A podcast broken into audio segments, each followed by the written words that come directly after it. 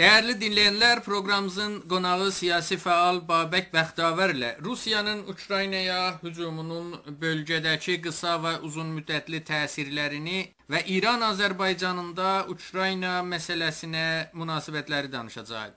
Babək bəy, biz bunun bu regional təsirlərini danışacağıq, amma hər şeydən əvvəl sizin ümumi düşüncənizi bu müharibənin, bu hücumun və ya bu işğalın mahiyyəti ilə bağlı nə düşünürsünüz? Sizin ümumi fikirlərinizi Allah qoradan davam edək. Buyurun. Bəli, ümumi olaraq burada təxminən demək olar ki, iki əsas baxış vardı. Bir bu ki, Rusiya iddia edir, Ukraynada nazistlər üst üstə gəlir, e, o faşizm məsələsi var, Rus etnikinə qarşı soyqırım vardı. Orada bəzi hətta son zamanlar nuklear, nuklear nüvə məsələsini ortaya qoymuşdu. Bu nədənlərlə əsas e, ora hücum etməyini Beysab tövcih etmişdir. Buna qarşı da təbii ki, hop Batıda və bir çox ölkələrdə barmaq sayda ölkələr çıxarır. Belə şey vardı ki, bunlar bahanadır. Burada rəsmən Rusiya, e, Ukraynada öz istədiyi, məsələn, Lukashenko kimi bir adam olmadığı üçün əl altı və Ukrayna millətinin postsovet Sovetdən ayrılması deyək, nədir deyək, Rusiyanın imperiyasından ayrılması və Avropaya qərbə üz tutması e, səbəb olubdu. Hətta hə, bir məsələ də NATO-ya üzv olmasını deyir ki, o da yenə də deyirlər ki, NATO zaten onu hələ qəbul etməmişdi və deyirlər. Əlbəttə Qərbidə bir da ayrı baxış vardı. E, məsələn, Kissinger kimi real politics düşünənlər vardı ki, onlar deyirlər ki, biraz qərbi susluyurlar. Deyirlər ki, qərb gərək Ukrayna getməyidi. Ukrayna bir dənə elə ki, necə deyirlər, buffer zone kimi görürlər. Bunlar e, Rusiyanın o əmniyyəti təhlükəsizlik məsələlərindən və deyirlər ki, rəhbəti orada məsələn çox qərb dövlətlərin üstə gəlməsini məsələn təhrik eləməyir yəni Rusiyanı, ora girişməyir. Bəli, xub başqa baxımdan da o demokrasi düşünənlər, idealist düşünənlər ki vardılar məsələdə. Deyirlər ki, xub millətin öz müqəddəratını təyin etmə məsələsi vardı və Ukrayna milləti dəfələrlə bunu o narıncı inqilabdan sonra 2003-2004-dən bəri dəfələrlə bunu göstərdilər və hər zaman da Rusiya buna əngəl e, törədibdi. Bu əsas bu məsələni ki, bu günlərin dünya bundan girişibdi. Buradan qaynaqlanır. Bu iki düşüncənin, iki fikrin toqquşmasıdır ki, bir-birinə barışa bilmədilər zaman sürətində və nəhayətən bu e, militari bir toqquşmaya gəlib çatdırdı. Yəni sizcə bu haraya gedəcək? Rusiyanın istədikləri harada, hansı nöqtədə təmin olunacaq? Rusiya harada duracaq? Çünki Rusiya bunu da əslində gizlətmir ki, Sovetlər İttifaqından ayrılan ölkələrdəki nüfuzunu bunu Putin də açıqca bildirir, onu itirmək istəmir. Bir bir neçə etapda baxmaq olar. Mən gəlin gedək bir bu hücum öncəsini nəzərdə tutaq Putini, Putin Putin Rusiyası deyək, əgər şey olsa və sonra müharibənin başlanğıc dönəmi və indiki dönəm, üst Rusiya mənşə edirəm. Öncəsində Putin dəqiqən o buyurduğunuz məsələ idi. Dəqiqən e, göstərdi ki, çox neçə aydır ora ordu tökmüşdü və bu imaj verirdi ki, artıq dünya Amerikan hegemoniyası altındadır. Neçə qutuplu dünyadır və əsas məsələ də budur ki, hətta o ondan öncə başladı dedəsən Ukrayna kullən o ölkə olaraq, millət olaraq, dövlət olaraq dedi yoxdur. Məsələn, Rusiyanın tərkib hissəsidir. E, ondan qabaq da Gürcüstana hücumunda da, başqa məsələlərdə də bu gizlətməmişdi. Putin ki, istəyir o postsovet məkanı və ümumiyyətlə SSR dövründə olan o Rusiyanın iqtidarını ələ gətirsin. Ona görə də bu məsələdə daha özünü üstün pozisyonda görürdü və Hətta Amerika və Qərb çalışdılar ki, bir məsələn avantajlar versinlər bunlara. Məsələn, o nüklear o raketlər məsələsində, başqa məsələlərdə e, və hətta Avropa daha çox. Avropa çünki əslən istəmirdi bu savaşı. Amma bu axıra axırda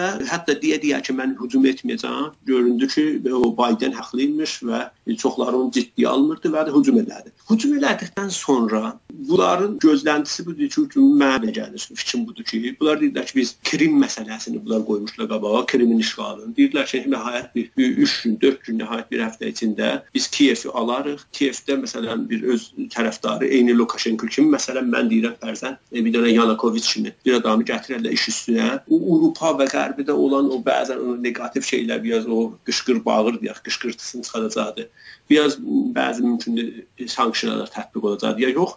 Axırda deyəcək ki, biz bir dənə pratik əməlin əməl incamçıda deyirlər. Təbii olmuş olmuş bir məsələnin qabağındayıq və o Krim kimi yavaş-yavaş tədil olar. Amma yəni bir de facto vəziyyət yaratmaq istəyir. Bəli, de facto vəziyyət və ondan da e, mənim fikrimcə budur ki, orada əgər bu işi Kiyevə hətta gördünüz ki, o məsələn gəldi, o Belarusdan hücum etdi Kiyevə. Bu mənim fikrimdə təhlərə kullan bu hərbi strategistlərin də fikri budur ki, oradan getmək çünki o çox yaxın idi və Kiyevi daha tez işğal eləyib və dövlət ələ keçindən sonra məsələ çox rahat olardı. Qalan yerlərdə tutmaq daha rahat olardı. Bir də kəsdən vaxtı diqqət eləsəz əvvəl 24 saatda indi məsələ budur ki, durum dönübdür. Məsələn Putin deyir ki, məsələn ya məsələn Rusiya diplomatiyası deyir ki, bizim birinci əməliyyat məqsədimiz elə Şərq Ukraynadır. Xub əgər Şərq Ukraynada məsələn Kiyevdə siz nə iş görürsünüz? Əgər bu idi, hətta bir ayrı məsələ vardı. Əgər bu idi, bəs nəyə deyirdiniz ki, məsələn, e, Ukrayna diqqət etsə çağırdı ki, hərbçiləri silahların qoysunlar yerə və dövlətin əleyhinə kudeta elədi. Hərbi çevriliş, bunların hamısı vardı internetdə. Xoş, əgər siz Şərq Ukrayna istəyirsiniz söyləyəsiniz, məsələn, Donetskdir, Luhanskdır, əslində bunları sən niyaz yoxdur ki, Kiyevə gəlinsin. Deməli, bunların hədəfi kulli Ukraynadır tutmaqla və o dövləti ora gətirməklə Məsələn, ünvanı o Ukrayna dövləti də onlarla çox rahat indiki o istəkləri vardı. Məsələn, Krimi Rusiya torpağı olması, o Luhansk, Donbas məntəqəsində kullətin Rusiya torpağı olması, bir dənə onunla bir qanuni hüquqiləşdirmək, rəsmiləşdirmək daha rahat imzalamaq olardı onu. Onlardan almaq olardı və bu qədər qəddarlığa və bu qədər bu görürsüz ki, indi e, Rusiya hər tərəfdən görürsüz. Müharibə nə qədər dərinləşdi. O amma bu bunu elə burdan keçid verim ki, o bölümdə bəhsini elə deyə bilim. E, amma bu olmadı. İstəmirəm çox orada dayanam çünki o olmadı. Zelenski tamam o 24 saatdə bir söz dedi. Dedi, biz NATO-ya girmirik.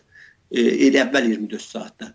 Siz gəlin müzakirə edək, məsələni həll edək. Zelenski. Amma əvvəl 24 saatda Kremlindən dəstgah diplomasiyası e, Rusiyadan heç bir cavab çıxmadı. Ta ki məhz müharibə 372 saat sonrası ki, bunlar gördülər ki, dayandılar. Hətta Xarkiv ki, ən Rusiyaya yaxın yerləridir və ümumiyyətlə dünyada belə bir təsəvvür var idi ki, hətta Avropada, bəlkə Amerikada düşünmürdülər ki, bu Ukrayna budur, bu dərəcədə bunlar müqavimət göstərəcəklər Rusiyanın qabağında və millət olaraq, dövlət olaraq. Nə Zelenski oranı tərk etdi, baxmayaraq ki, ona oturum da verirdilər, sığınacaq da verirdilər, çıxmadı.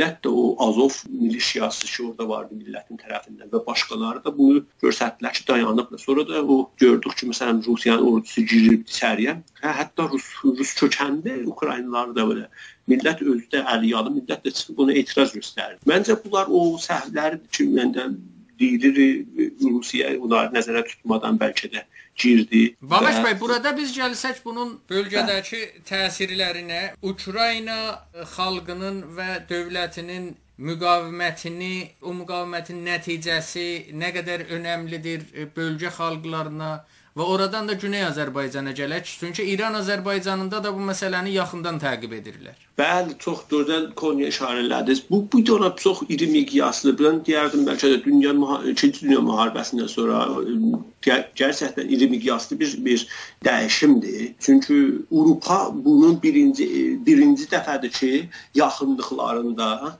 e, bu tür bir e, hücumun e, qonşu qonşuya da hücumun qədər hiss edir. Ona görə Avropada əvvəl bu özünü göstərdi. Xüsusən Şərqi Avropada, məsələn Almanda və ona görə indi onlar Ukrayna millətini elə bil ki, özlərinin savunmacısı və diqqət eləsəz görürsüz nə qədər pənahəndə də gəlir. Çox belə ürəklə. İndi bir də deyirlər bunlar xristiandır filandır. Ola bilər, onlar da dəxildir, amma vaqiət budur ki, bu millət bir dənə e, e, uduzmuş millət deyil, tarix yazır orada.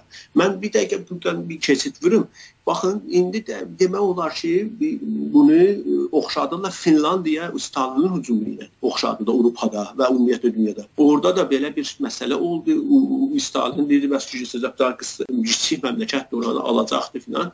Bəli, orada 1939-cu ildə də o ikinci dünya müharibəsi öncəsi Bəli, orada çox Finland müqavimət göstərdi və baxmayaraq ki, bir sıra məsələn o e, torpaq verdi, amma əmələn orada özünü millət dövlət olaraq Bu çox önəmlidir, sübuta yetirdi. İndi buradan bir daha keçirəcəm. Bu Avropa ona cəhətdən önəmlidir ki, onlara buffer zone kimi əməl eləyib bu Avropa. Burada e, Türkiyənin özünün maraqları vardı orada. Onlara da önəmlidir Ukrayna müqaviməti və bizə e, xüsusən İran Azərbaycana gəlin. Bizə elə bu mühüm nə budur? Millət dövlət olaraq Ukraynanın orada müqaviməti neçə dərslər verilir. Çünki biz özümüz də bilirsiniz Ukrayna bir dəfə bu e, Rusiyanın tərkib hissəsi olubdur. Yəni indi adını Sovet keçmiş Soveti qoyaq, yaxud tezar Rusiyasını qoyaq. Neçə dəfə cəhd göstərdi, istiqlal alsın. Hətta 2-ci Dünya müharibəsində də bu vardı. Mən onlara girmək istəmirəm, deyim, konu əldən çıxmaz. Bu məsələdən Güney Azərbaycanlı və hətta Quzey Azərbaycanlılara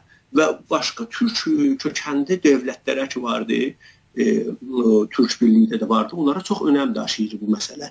Ukrayna ona görə də məsələn diqqət etsəz, e, məsələn Təbrizdə mən bir dənə gördüm ki, klip də çıxmışdı.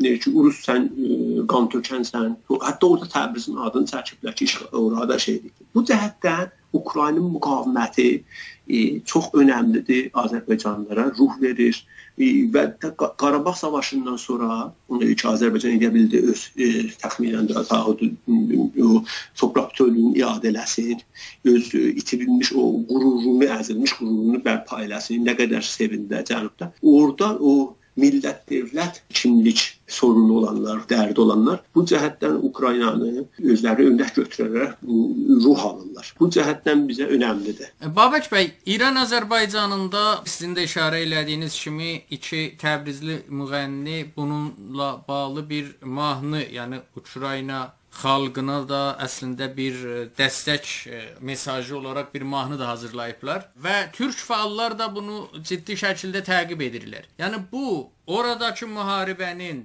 bölgəyə olan təsiridir və yəni İran Azərbaycanı da o ümumi təsirdən öz payını alacaq və ya Ukraynada bir müqavimət var, İran Azərbaycanında da bir müqavimət var və o bir həmrəylik nümayişidir. Bunlar mı yoxsa bunların xaricində başqa bir təsiri də gələcəkdə İran Azərbaycanının gələcəyində durumunda başqa bir təsiri də varmı? Çox gözəl sorudur. O bir e, simpatidir. O, o cəhətin ki, söylədim milli kimlik məsələsi. O da vardı, bu da vardı. Bəli, bu ikinci ki söyləyirəm, məsələn, bunun e, daha e, ki, həmin o təsiri. Bax, İran indi Azərbaycanı kimin e, otoritəsi altındadır? Cümhur İslami İran və Şiə panizlamizm deyək və farsizm, pan-İranizm, pan-farsizm deyək. Bax, bu ikisi də burada